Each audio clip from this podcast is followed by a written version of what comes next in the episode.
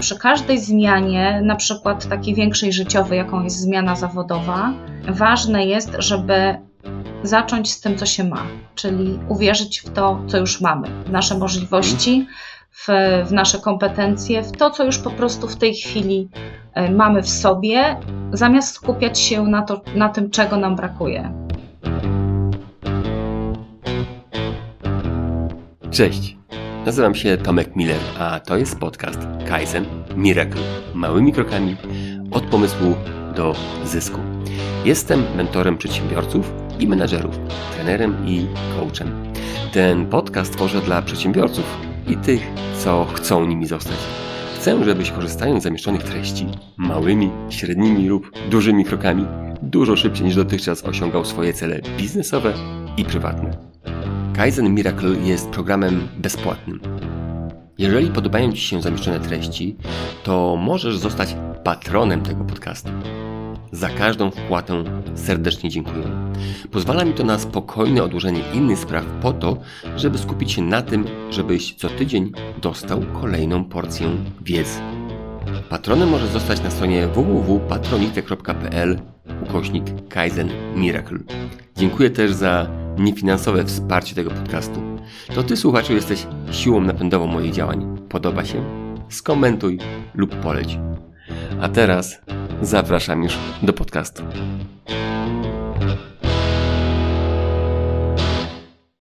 Cześć. Żyjemy w bardzo niestabilnych czasach. Kiedyś ludzie pracowali w jednej firmie przez całe życie, dziś zmiany zachodzą co kilka lat albo i częściej. Jedyną pewną rzeczą, na którą każdy powinien się nastawić, jest zmiana. Pandemia i lockdown pokazuje nam to jeszcze bardziej brutalnie. Niedawno przeczytałem artykuł o tym, jak trudno znaleźć jest pracę przez osoby dojrzałe. Takie po pięćdziesiątce, a czasami nawet już po czterdziestce. Ponoć ich CV znikają u potencjalnych pracodawców w przysłowiowym trójkącie bermudzkim. Co zrobić, żeby tak nie było? Jak szukać pracy i w jaki sposób zmieniać zawód, gdy jestem już w dojrzałym wieku? Dziś będę rozmawiał z ekspertem od zmiany kariery i coachem odwagi. Zapraszam do rozmowy z Izą Wojtachnik. Cześć Iza, to kajzenowy podcast, więc mam do Ciebie wielką prośbę. Przedstaw się proszę w dwóch zdaniach.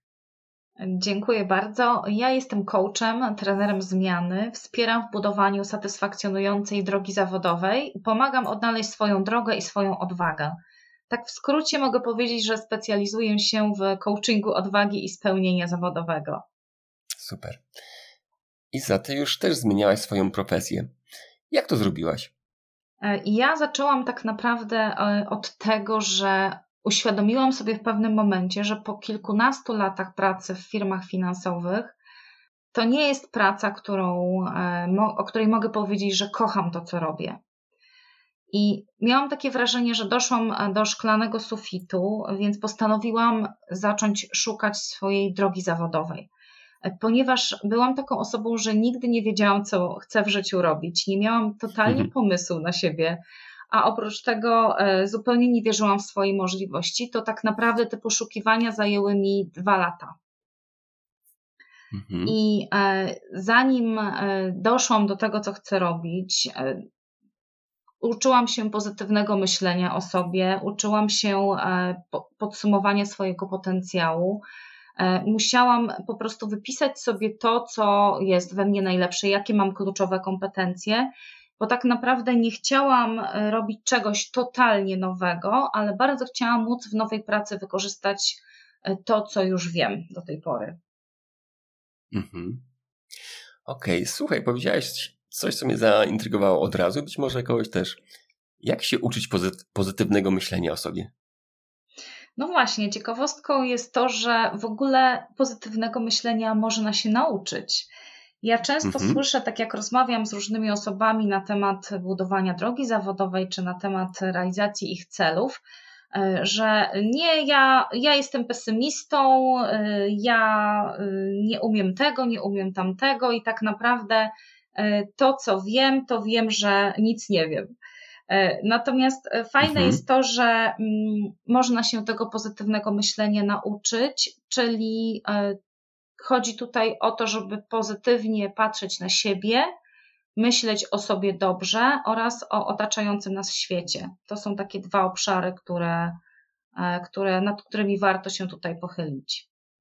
A czy możesz podpowiedzieć, jak ty robiłaś, że się nauczyłaś? Czy masz metody, podpowiedzi, jakieś krótkie ćwiczenia, które ktoś by mógł sobie stosować na co dzień?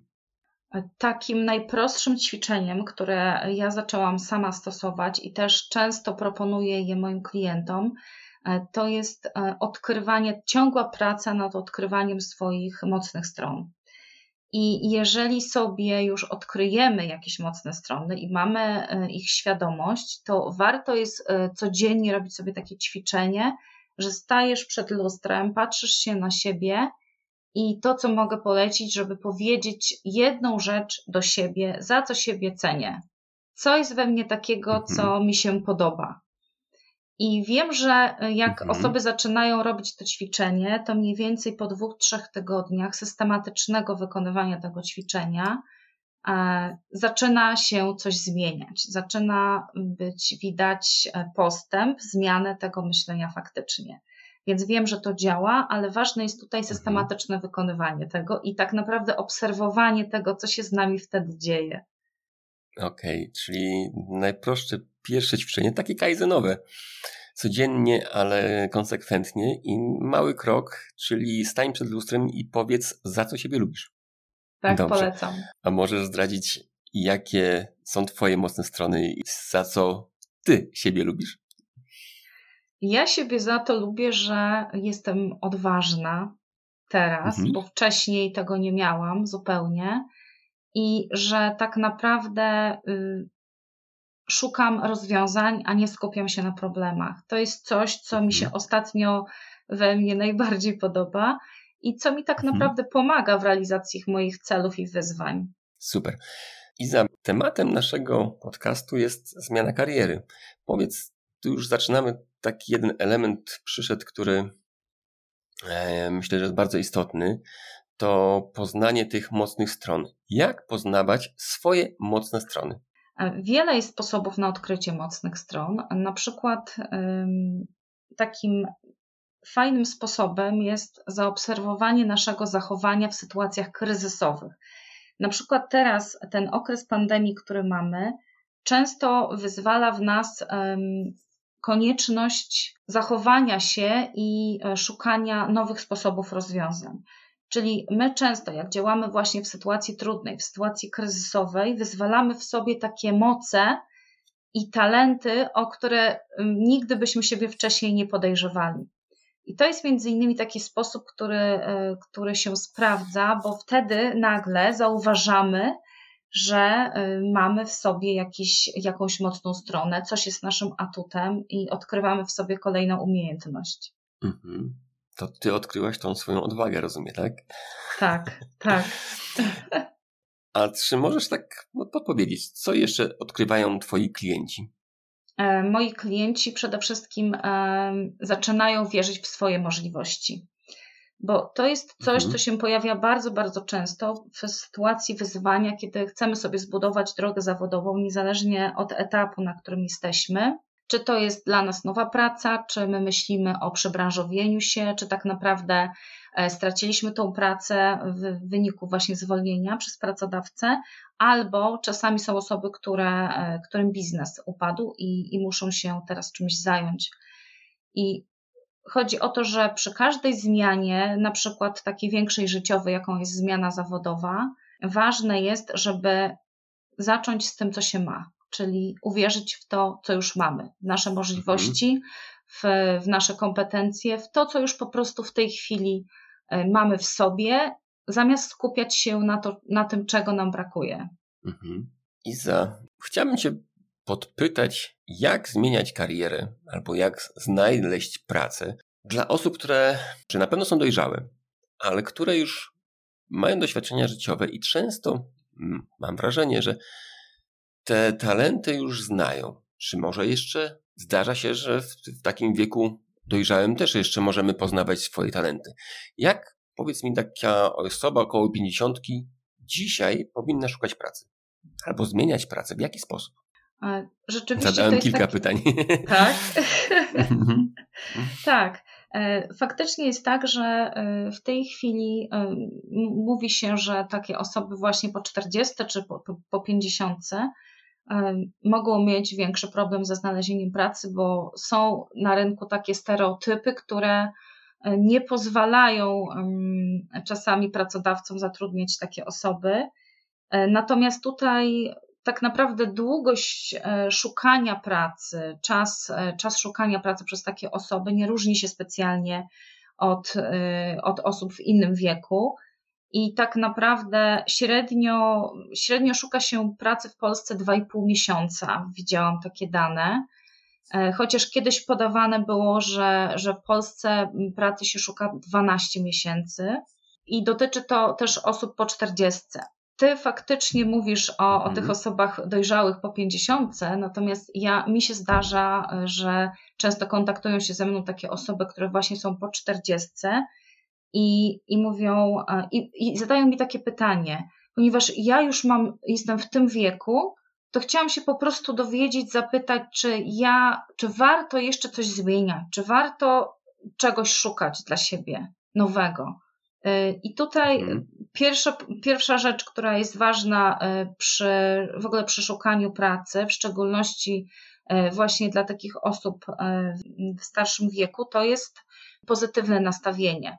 Czyli tutaj bez wiary w swoje możliwości i bez takiej wiary w to, że się w ogóle uda, że ja jestem w stanie zmienić pracę, nauczyć się jeszcze czegoś nowego, że ja się komuś mogę przydać w tej firmie, e, no to nie osiągnie się większych celów. Mhm. Czyli wracamy do tego, co zaczęliśmy chyba mówić na, na początku, że pierwszą rzeczą, którą należy zrobić, żeby zmienić pracę, to budować pewność siebie, budować wiarę w siebie, po pierwsze. Tak jest. Mhm. Dobra. Co jeszcze? Od tego warto zacząć, żeby na początku nie deprecjonować swoich kompetencji, e, czyli e, podsumować sobie ten swój potencjał. Osoba, która ma świadomość swojego potencjału, zupełnie inaczej startuje przy mm, zmianie pracy czy przy przebranżowieniu się, tak naprawdę, bo wie, czym dysponuje. I ja tutaj polecam po prostu zrobić sobie taką, taką, odrobić sobie takie zadanie domowe, czyli usiąść i zastanowić się, przejrzeć swoje całe doświadczenie zawodowe, wypisać z każdego miejsca pracy, co już umiem, co już wiem, czego się tam nauczyłem, jakie mam konkretne umiejętności, którymi dysponuję i y, tak naprawdę uświadomić sobie te kluczowe kompetencje. Bo wiadomo, że taka osoba, która już ma y, wiek 40 plus, 50 plus, ona przeważnie ma na swoim koncie dosyć długie doświadczenie. Więc tutaj warto by było wybrać z tego doświadczenia nasze kluczowe kompetencje, czyli co nas charakteryzuje najbardziej, w czym się najlepiej czujemy, w czym jesteśmy najlepsi i tak naprawdę co nas może wyróżnić. Mhm. Ja mam takie wrażenie, być może mylne, chciałbym się dopytać Ciebie. Te osoby z doświadczeniem, mają problem z tym, że no właśnie tego doświadczenia mają za dużo i że boją się, że ktoś, kto czyta ich CV, powie, że hmm, wezmę sobie kogoś, kto potrafi już dużo, w związku z tym będzie mi to mądrkował w mojej firmie, będzie cwaniakował, będzie mądrzejszy ode mnie, a ja chcę, żeby znaleźć osobę, którą potrafi zarządzać a nie kogoś, kto będzie mówił mi, co mam robić. Takie ja mam wrażenie, że taki jest stereotyp. Czy tak jest, czy nie i jak ja mam powyżej pięćdziesiątki, mogę przekonać pracodawcę, żeby zatrudnił mnie starszego, a nie kogoś młodszego. Mhm.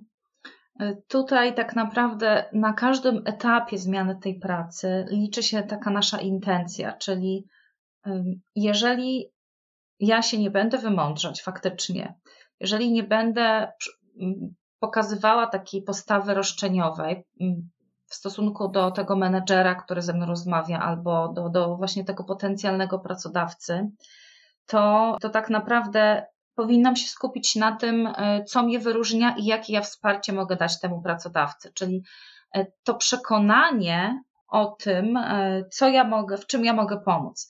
Bardzo często tutaj dużym błędem osób, które w ogóle aplikują do, do pracy, jest to, że czy w CV, czy na rozmowie rekrutacyjnej, one mówią tylko, co mają, tak? Czyli ja mam, ja mam doświadczenie takie, ja, e, ja pracowałem to, to, to, robiłem to, to, to.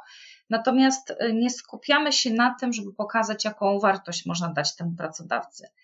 I według mnie, jeżeli taka osoba powie dokładnie, że u Państwa w firmie ja będę w stanie na przykład pomóc w tym, w tym, w tym i konkretnym, Zależy mi na tym, żeby rozwijać moje jakieś tam kompetencje.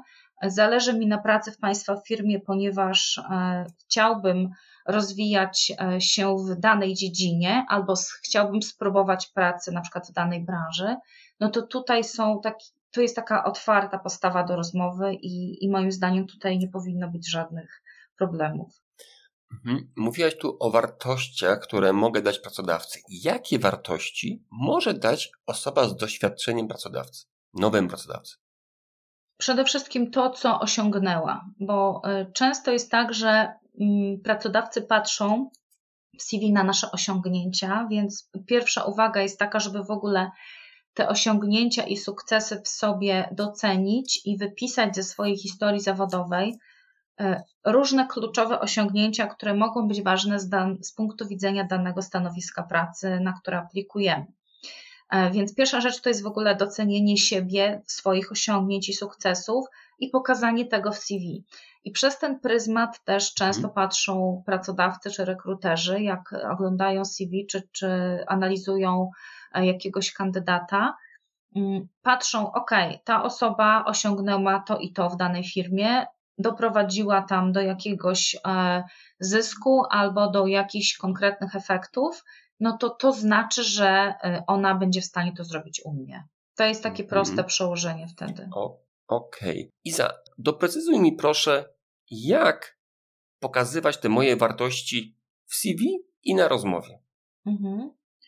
E, w CV wa ważne jest, żeby pokazać, co wynika z tego, że ja mam takie doświadczenie, że ja robiłem to i to, że ja byłem odpowiedzialny za to czy za tamto, y, to tą wartością dla pracodawcy jest to, co z tego wynika. Czyli jeżeli ja zarządzałem zespołem ilość osobowym albo byłem świetny w sprzedaży produktów, no to jakie to ma przełożenie teraz dla tego pracodawcy? Co ja u tego pracodawcy mogę, co ja temu pracodawcy w związku z tym, że robiłem to czy tamto, mogę zaoferować?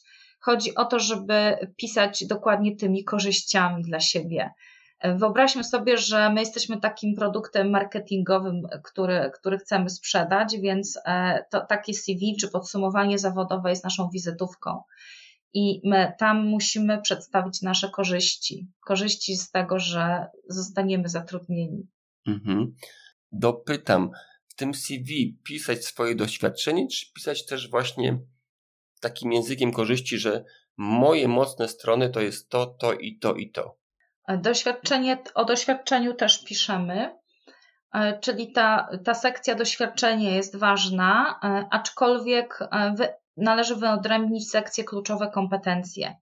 Czyli mhm. z całego naszego doświadczenia pokazać wprost i wymienić swoje kluczowe kompetencje, ale tylko takie, które są adekwatne do danego stanowiska pracy, bo tutaj taka uwaga, którą, o, o czym może nie wszyscy pamiętają, Każde, każdorazowo CV przygotowujemy w dopasowaniu do danego stanowiska pracy.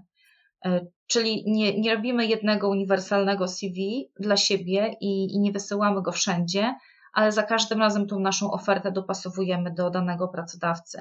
Więc jeżeli jest osoba z bardzo bogatym doświadczeniem i nawet ma wiele, wiele umiejętności, to nie polega to na tym, żeby wypisać dokładnie wszystko, co się robiło w, w całym życiu i, i co umiemy, ale te, wybrać te kluczowe rzeczy, które mogą być najważniejsze z punktu widzenia danego stanowiska pracy, na które właśnie pracodawca powinien zwrócić uwagę.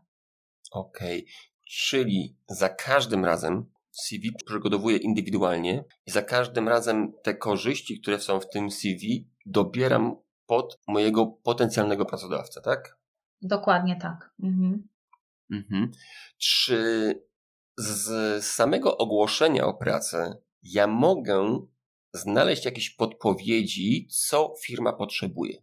Najczęściej te podpowiedzi są e, w takim e, stwierdzeniu, jeżeli są wypisane obowiązki, które będzie się robiło na danym stanowisku, albo przykłady zadań. Czasami jest tak, że mm, firmy przy tych ogłoszeniach piszą, co tutaj będzie Twoją główną odpowiedzialnością, za co będziesz odpowiedzialny, albo czasami wręcz jest wymieniony cały zakres obowiązków, który będzie obowiązywał. Więc tam znajdziemy takie podpowiedzi, w czym możemy się przydać najbardziej, e, do czego tutaj możemy być wykorzystani i do czego też pracodawca nas potrzebuje. E, czasami jest tak, że przy informacji o firmie w ogłoszeniach jest trochę więcej napisane na temat firmy, na temat projektów, e, do których potrzebują zatrudnić pracownika. I stamtąd też można wyczytać te informacje, w, w jakich obszarach tutaj możemy tą lukę zapełnić i w jakich obszarach się przydamy i w jakich obszarach będziemy mogli wykorzystać swoje kompetencje. Okej. Okay. Czy w CV zawsze pisać swoje pełne doświadczenie, czy do każdej firmy trochę to doświadczenie zmniejszać albo dopasowywać do firmy? Ja myślę, że mm, warto jest na pewno wymienić e, całą historię doświadczenia, żeby z kolei nie spowodować sytuacji, że mm, tworzymy jakąś lukę w zatrudnieniu, bo to też wzbudza jakieś kolejne podejrzenia. Natomiast e, chodzi o to, żeby w każdym miejscu pracy wypisać te kluczowe zadania i obowiązki, które mają znaczenie tego potencjalnego pracodawcy dla, danego miejsca pracy, na, na które aplikujemy.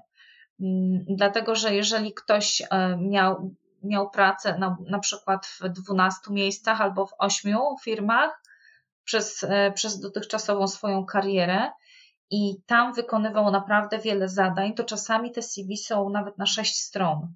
E, I tutaj, jeżeli, jeżeli mhm. pracodawca czy rekruter zobaczy takie CV, no to jest mała szansa, że zostanie ono w ogóle przeczytane. Mhm. A czy wysokość stanowiska powinna być podawana w CV.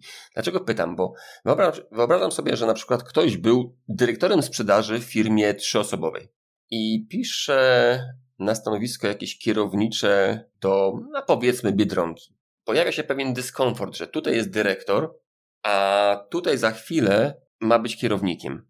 Czy mhm. takie mhm. dysproporcje nam przeszkadzają, czy nie? Czy pisać je, czy nie? Chodzi o stanowiska. Mhm. Jak to mhm. ujmować tak, żeby pewne nasze stanowisko nie przerażało potencjalnego pracodawcy, bo przypuszczam, że takich sytuacji jest sporo, że faktycznie jesteśmy w firmie, która ma kilka osób i tam jesteś dyrektorem, ale dyrektorem jesteś z nazwy, a nie dlatego, że za, za, zarządzasz 15 osobami, tylko zarządzasz trzema, ale jesteś dyrektorem, bo tak mhm. lepiej się rozmawia z innymi. No i piszesz mm, CV na stanowisko kierownicze i masz kłopot. Zastanawiasz się, czy to wpisać, czy nie. Mhm. Co ty myślisz? Jak to robić? Wiesz, e, ja, ja bym polecała, żeby te stanowiska, które, wpisać, e, które wpisujemy w CV, były e, pisane zgodnie z umową, którą mieliśmy o pracę. Tak? Czyli tak mhm. tak jak masz na umowie, no to tak powinno być napisane. Natomiast faktycznie jest tak, że czasami wykonujemy jakieś, jakieś takie stanowisko, które jest trochę na wyrost Wtedy można napisać funkcję, pełnioną funkcję albo stanowisko, w którym się najlepiej czujemy. Mm, czyli na przykład tutaj, jeżeli się ktoś nie czuje tym dyrektorem i nie chce tak napisać, no to może napisać na przykład menedżer. To też będzie zgodne mhm. z prawdą, a, a jeżeli, e, jeżeli to będzie e, mm, zawierało powiedzmy taką lepszą intencję tego, co chcemy osiągnąć, no to można w ten sposób to określić. Okej. Okay czyli pisać albo tak, jak jest na umowie, albo mhm. zgodnie ze swoimi przekonaniami, jak to powinno wyglądać, że zamiast dyrektor to menadżer mhm. danego działu, tak? Dokładnie. Okej, okay, fajnie. Ja jeszcze dopytam się o te zalety, wartości, jak to opisywać, żeby to było skuteczne, żeby ten ktoś nas zaprosił na rozmowę. Czy mówiłaś o tych, żeby znajdywać podpowiedzi w tych obowiązkach, gdzie są, czy jeszcze są miejsca, w których mogę szukać to, co dana firma potrzebuje?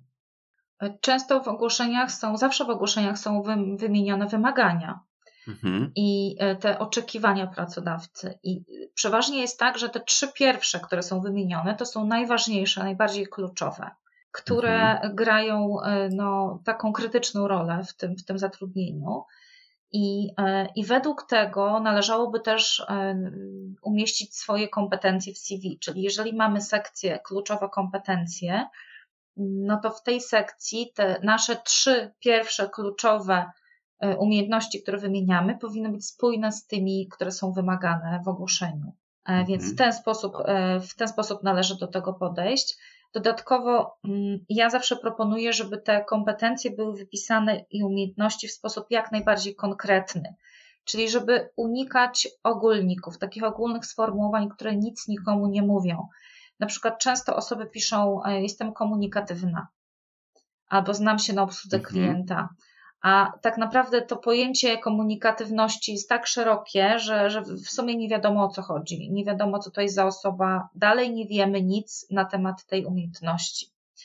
E, więc tutaj e, absolutnie mhm. unikamy takich ogólnych sformułowań. Lepiej to doprecyzować. Na przykład, jeżeli piszemy obsługa klienta, albo jestem świetna w obsłudze klienta, no to konkretnie w czym?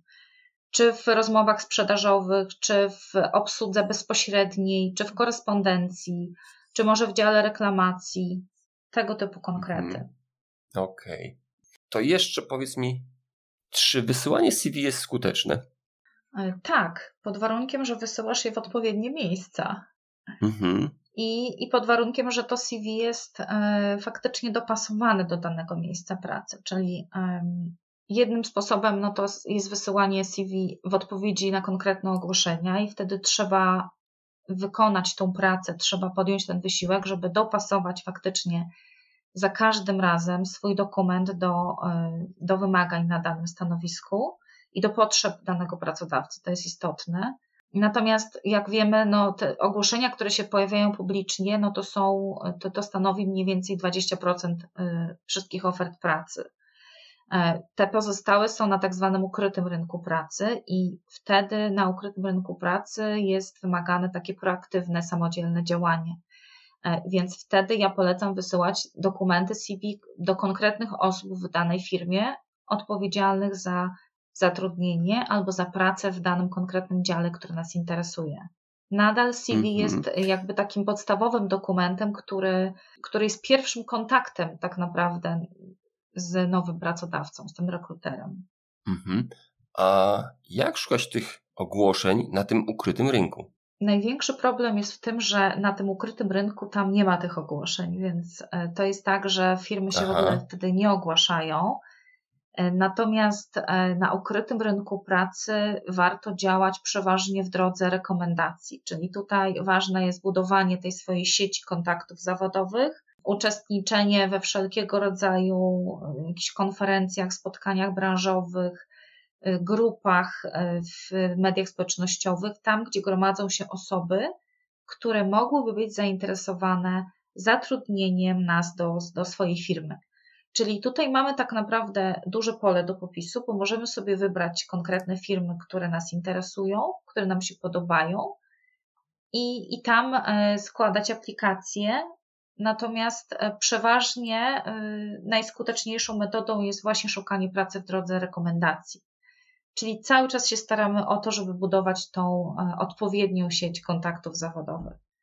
To powiedz mi, jak budować tą sieć rekomendacji? Czy ja mam po prostu chodzić do od znajomego do znajomego i mówić, słuchaj, e, szukam pracy, znajdź mi, albo czy możesz mi komuś polecić, czy robić to w jakiś jeszcze inny sposób? Tutaj tak naprawdę warto wykorzystywać wszelkiego rodzaju sposoby, bo żeby, żeby ktoś ci mógł polecić, to musi się o tobie dowiedzieć, musi, e, musi poznać, czym ty się zajmujesz, w czym możesz pomóc, i, i tak naprawdę jakiej pracy szukasz, jakiej pracy potrzebujesz. Więc czy to jest rozmowa ze znajomymi, czy też na przykład rozmawiasz na ten temat z kimś z rodziny, w ogóle z, z rodziną swoją, to, no to warto jest w odpowiedni sposób ten komunikat y, przekazać. Czyli to nie jest tylko to, że szukasz pracy, szukam pracy i y, jakbyście coś słyszeli, no to dajcie znać, ale przede wszystkim trzeba wypracować sobie taką wizytówkę swoją, czyli powiedzieć tak naprawdę, kim jesteś, w czym się specjalizujesz i na, na, jakich, e, na jakiej robocie ci zależy, czyli czym i komu możesz pomóc tutaj. Tak, żeby ktoś wiedział dokładnie, do czego możecie polecić. I e, tak zwane e, rozpuszczanie wici to właśnie działa. I czy my to robimy wśród znajomych, czy ogłaszamy to w mediach społecznościowych, to jest taki podobny efekt. Natomiast innym sposobem budowania tych e, sieci rekomendacji to jest działanie na przykład właśnie na LinkedInie, gdzie budujesz swoją sieć kontaktów e, znajomych, tak zwanych, których, z którymi rozmawiasz w wiadomościach prywatnych albo kontaktujesz się z nimi właśnie w, poprzez swoje publikacje. Okej, okay. zahaczyłaś tu o LinkedIn. Jak tam się rekomendować? Często widzę osoby z takim hasłem Open to Work albo Open to Hire. Czy to jest skuteczne, czy robić to w inny sposób? Czy pokazywać, że nie mamy pracy i poszukujemy, czy bardziej mm, nie pokazywać tego, że szukamy pracy i szukać trochę tak po cichu, Mm, w kontaktach bezpośrednich. Jak to robić? Ja myślę, że wiesz, warto stosować i, i ten, i ten sposób. To zależy, mm, co komu bardziej odpowiada. Bo tak naprawdę ten, te, to hasło Open to Work, czy ta opcja na LinkedInie, która jest możliwa do zaznaczenia na każdym profilu, ona nam pozwala być znalezionym w wynikach wyszukiwania na przykład przez rekruterów. Więc tutaj warto to utrzymać po to, żeby zostać znalezionym. Natomiast e, to, to nie jest jakby jedyna, to jest dosyć bierna postawa tutaj w szukaniu pracy, bo tylko siedzisz i czekasz, aż ktoś się do ciebie odezwie, a ewentualnie jak e, się pojawi e, jakieś nowe ogłoszenie, które przyjdzie do ciebie w powiadomieniu. Mm, natomiast drugim sposobem to, co, to, co mówiłeś, że mm, publikowanie to jest właśnie mm, pokazywanie siebie jako tak zwanego eksperta, czyli pokazujesz, budujesz swoją markę osobistą poprzez to, poprzez swoje działania aktywne w sieci. Czyli e, na przykład e, poprzez publikacje, poprzez aktywne zapraszanie do kontaktu właściwe osoby, na przykład kontakt z rekruterami albo z menedżerami w, w, jakichś, w jakichś organizacjach, które nam odpowiadają to są takie najlepsze sposoby na to, żeby, żeby budować tą swoją sieć e, takich kontaktów, które mogą nam pomóc e, w zdobyciu właśnie tej wymarzonej pracy. Mhm. Jak szukać tych rekruterów? Po jakich słowach poznam, że ta osoba faktycznie w firmie odpowiedzialna jest za rekrutację? To mogą być osoby z działu HR przede wszystkim, czyli tam są osoby, które są odpowiedzialne za rekrutację, chyba że rekrutacja jest zlecona w firmom zewnętrznym. To też warto jest wtedy nawiązywać kontakty z rekruterami z takich firm pośrednictwa pracy, gdzie specjalizują się w zatrudnianiu osób na przykład z naszej branży. To też jest ważne, bo oni wtedy mają taki przegląd danego rynku pracy danej branży, jak to wygląda i łatwiej jest wtedy nawiązać taką znajomość, i też wtedy temu rekruterowi łatwiej jest poznać się na nas jako na osobie, która jest faktycznie ekspertem w danej dziedzinie. Mhm. Czyli poszukać firmy z naszej branży, w którym byśmy chcieli pracować, poszukać kogoś, kto pracuje tam w HR-ze i nawiązać z nim kontakt. Jak ten kontakt nawiązywać? Czy po prostu napisać bezpośredniego posta takiego szukam pracy, wysyłam CV, czy coś jeszcze zrobić? Ten bezpośredni kontakt to przede wszystkim jest zaproszenie tej osoby do swojej sieci kontaktów, czyli jeżeli nie mamy tej osoby w sieci, w sieci kontaktów, no to e, sami wysyłamy zaproszenie. I w momencie, jak ta osoba zaakceptuje, no to wtedy warto napisać taką wiadomość bezpośrednią na zasadzie nawiązania kontaktu, tak? Czyli tutaj w pierwszych słowach e, absolutnie nie, że tak powiem, nie sprzedajemy tego, co chcemy uzyskać docelowo, czyli nie mówimy cześć, nawiązuję z Tobą kontakt, bo szukam pracy, może byś mi coś polecił, ale raczej na zasadzie takiego nawiązania kontaktu, pokazania, w czym ja jestem dobry, czym, w czym się specjalizuję, przedstawienia się, czyli zaczynamy tak naprawdę od przedstawienia się, takie, od pokazania takiego swojego podsumowania Jak? zawodowego. Czy możesz taki przykład tutaj dać? Bo przypuszczam, że właśnie sporo osób mówi, robi to tak bardzo bezpośrednio, że cześć, to jest moje CV, jak będziecie zainteresowani, to do mnie napiszcie. Mówi, że to nie działa. Jak ten proces powinien przebiegać, żeby taki HR-owiec zainteresował się moim CV? Jak się mam mu przedstawić tak, żeby on się zainteresował moją osobą?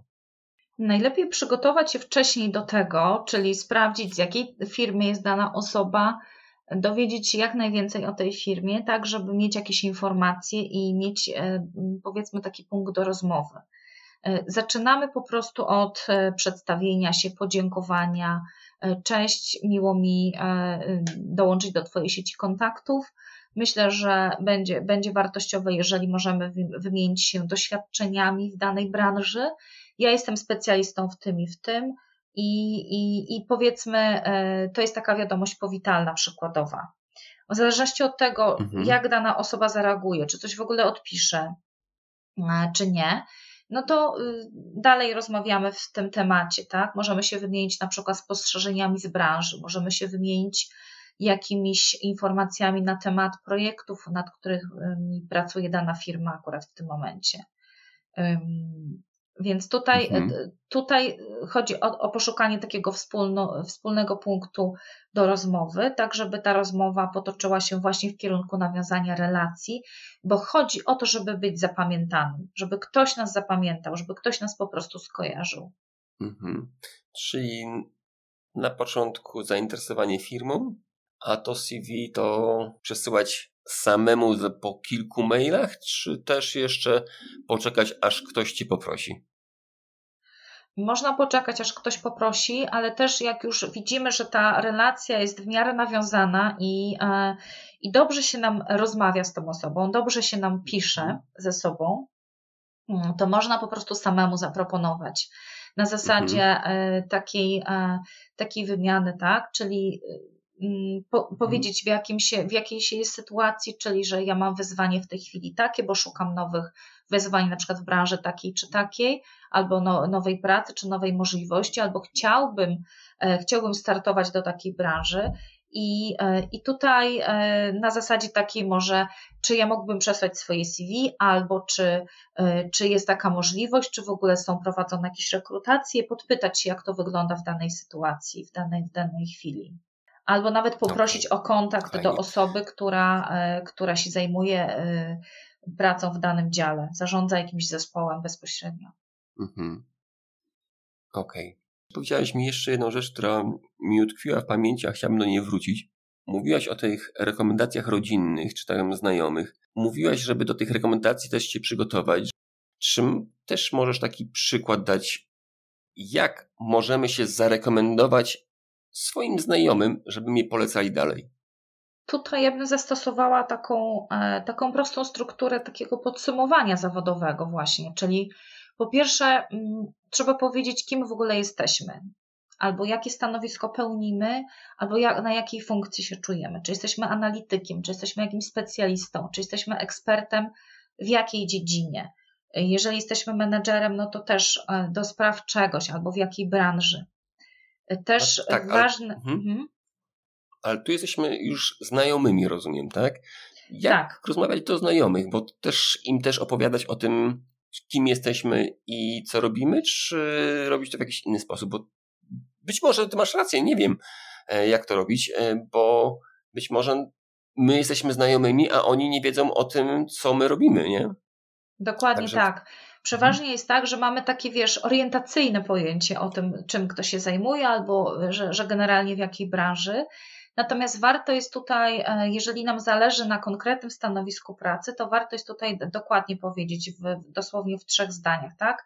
Kim jesteś, co robisz, w czym się specjalizujesz, bo to też jest ważne, jeżeli ktoś na przykład działa w jakiejś wąskiej niszy albo e, ma, ma taką naprawdę rzadko spotykaną specjalizację, robił coś, co jest, co jest faktycznie, e, może być doceniane na rynku pracy, no to też warto to powiedzieć, bo to jest tak zwany Twój wyróżnik. Chodzi o to, żeby mm, to przedstawienie się, to Twoje podsumowanie zawodowe nie było y, takie zbyt ogólne, żeby to nie było coś, co możemy mhm. skopiować i przykleić do innej osoby, tylko żeby to było coś, co ciebie wyróżnia faktycznie, czyli twoje, twoje naj, najbardziej charakterystyczne cechy.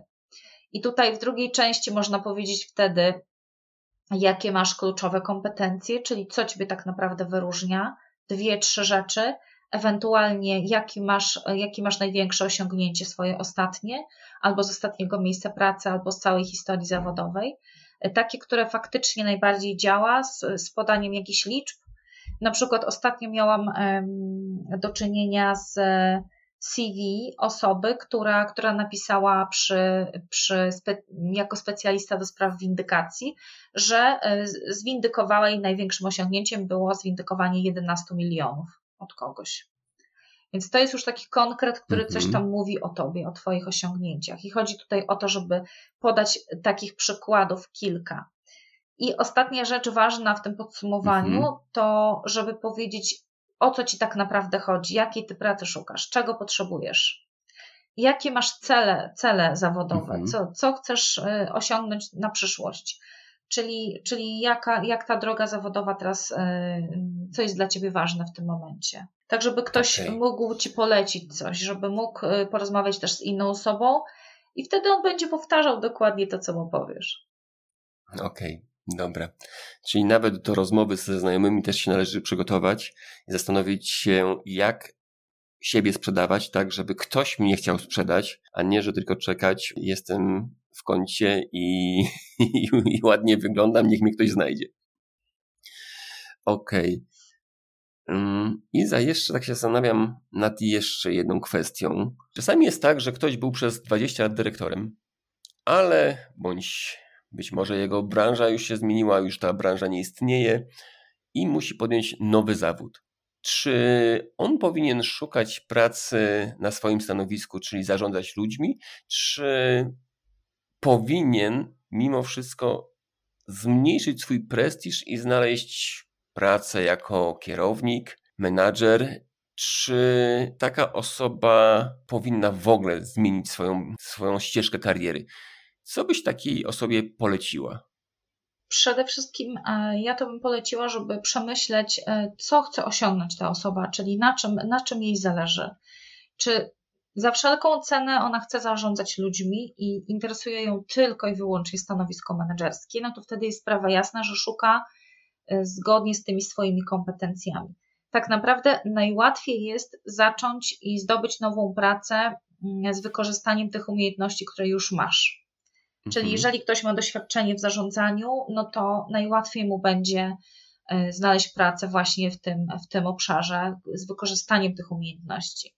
Natomiast tutaj trzeba sobie odpowiedzieć na pytanie, na czym mi zależy, czy zależy mi na wykorzystaniu tych właśnie umiejętności, czy też jestem w stanie mm, aplikować na przykład na stanowisko specjalisty, pomimo tego, że byłam kierownikiem, menedżerem, po to, żeby właśnie na przykład nauczyć się nowych rzeczy w nowej branży, żeby rozwinąć konkretne kompetencje i umiejętności. Więc ważna jest tutaj ta nasza intencja. Natomiast to, to też, jaką mamy intencję, trzeba bardzo jasno zakomunikować w swoim CV i w takim komunikacie do pracodawcy przy aplikacji, dlatego że aplikowanie na niższe stanowiska też wzbudza wątpliwości po tej drugiej stronie. No właśnie. No właśnie, czyli w CV już wpisać taką intencję, dlaczego chcę to zmienić i jak gdyby oszczędz tą osobę, czy przekonać tą osobę, że nasze intencje są takie, że już nie chcę zarządzać, teraz chciałbym zrobić coś nowego i chciałbym się nauczyć nowej, nowego działania, nowej pracy, tak? Tak, dokładnie. Mhm. Okej. Okay. Będziemy już powoli kończyć, już tu prawie męczę Cię z pytaniami prawie prawie godzinę. Iza, a czy masz jeszcze jakieś takie przykłady fajnego odnalezienia nowej ścieżki kariery przez swoich klientów? Przypomina mi się taka osoba, z którą przez chwilę pracowałam. Mm, przez chwilę mówię dlatego, że akurat to była kobieta właśnie po pięćdziesiątce, która całe życie pracowała w branży bankowej. Była specjalistą w, w bankach. I ona w wieku właśnie 50 plus odeszła sama z pracy z banku dlatego że czuła bardzo duże wypalenie. I mhm. nie wyobrażała sobie, że ona dalej już będzie, będzie tam pracować. Po prostu za dużo ją to kosztowało. I skończyło się to na tym, że najpierw miała krótką przerwę zdrowotną przez kilka miesięcy, a potem zaczęła szukać pomysłu na siebie, bo nie wiedziała tak naprawdę, co, co ona może dalej robić, tak żeby sprawiało jej to dużą satysfakcję. Mhm. I, I wtedy właśnie e, trafiła do mnie, tak się poznałyśmy i pracowałyśmy nad określeniem tej, tej wymarzonej drogi zawodowej. E, ona tak naprawdę to, co zrobiła głównie, to określiła sobie swoje wartości, przypomniała sobie, co jest dla niej naprawdę ważne.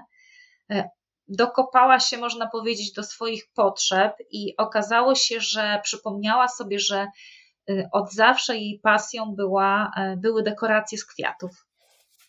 Mhm. I ona skończyło się to na tym, że założyła własną kwiaciarnię i taką domową hodowlę roślin. I to jej sprawiało naprawdę mhm. dużą frajdę, bo po prostu zrealizowała swoje marzenie.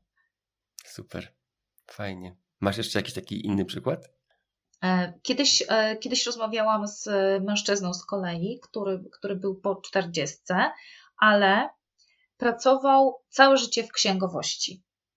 E, mhm. Był, e, był specjali, był księgowym po prostu i tak naprawdę po, e, po wielu, wielu latach pracy właśnie w tym zawodzie doszedł do takiego szklanego sufitu, że w zasadzie stwierdził, że osiągnął wszystko, co mógł osiągnąć w tej księgowości. Nie widział dla siebie dalszego pola do rozwoju. W związku z tym taką ścieżkę, którą sobie obrał, postanowił się przekwalifikować e, na kontrolera finansowego.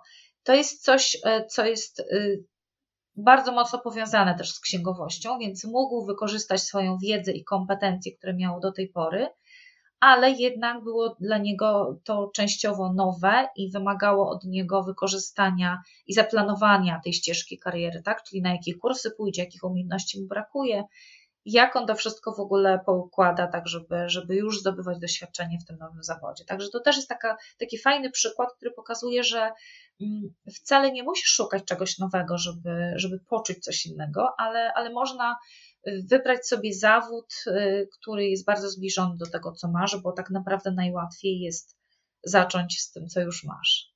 Okej. Okay. Jeszcze mam dwa pytania. Co jest najłatwiejszego w poszukiwaniu nowej pracy?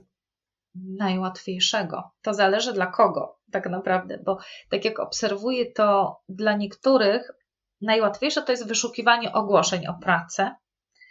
E, po mhm. prostu wyszukują, przygotowują sobie CV, wysyłają i to jest dla nich łatwe. E, dla innych najłatwiejsze jest y, nawiązywanie właśnie kontaktów i bezpośrednie rozmowy, czy z potencjalnymi pracodawcami, czy, czy właśnie z rekruterami. To, to jest takie dosyć, dosyć łatwe.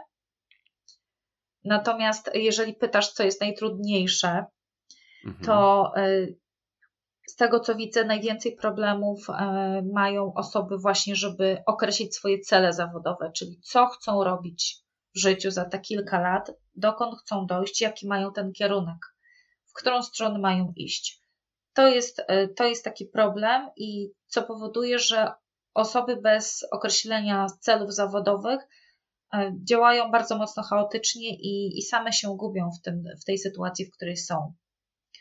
E, mhm. Najtrudniejsze może być jeszcze podsumowanie swojego potencjału, też o, o, czym, o czym dzisiaj też wielokrotnie już wspominałam, czyli tak naprawdę docenienie swoich osiągnięć, zauważenie swoich kompetencji i w ogóle uświadomienie sobie tych, tych najmocniejszych stron, które mamy. Super. Fajnie, dziękuję Ci za tą całą rozmowę. Dziękuję, że się podzieliłaś tutaj bardzo dużą dawką swojego doświadczenia i, i wiedzy. I za jeszcze na koniec pytanie, gdzie Ciebie można znaleźć? E, najłatwiej mnie znaleźć na mojej stronie izabelawojtachnik.pl. Tam mam blog, e, na którym też dzielę się chętnie wiedzą. E, możecie mnie znaleźć również w mediach społecznościowych. Jestem na LinkedInie pod moim imieniem i nazwiskiem. E, również na Facebooku mam stronę Izabela Wojtachnik Coaching Odwagi i Spełnienia Zawodowego. To są, to są te trzy miejsca, gdzie najwięcej jestem i, i zapraszam do kontaktu. Super. Jeszcze raz wielkie dzięki. Do usłyszenia. Do zobaczenia. Dziękuję. Cześć. I jak Ci się podobał ten odcinek? Jeżeli coś Ci się spodobało, choć jedna rzecz i uważasz, że jest ona dla Ciebie ważna i istotna, to znajdź szybko zeszyt lub telefon i zapisz sobie. Wiesz, tak, żeby nie zapomnieć. Jeśli zaś chciałbyś dowiedzieć się coś więcej o Kaizen, to zapraszam do mojej książki Kaizen Jak osiągać wielkie cele małymi krokami. Dwukrotnie nakład drukowany się już wyczerpał. Dziś możesz kupić albo e-booka, albo audiobooka. Mówią, że bardzo dobrze się słucha i czyta. Pamiętaj też, jeżeli Ci się podobał ten podcast, to zalajkuj go albo udostępnij. Będzie mi bardzo miło. I to już wszystko. Do usłyszenia za tydzień. Cześć.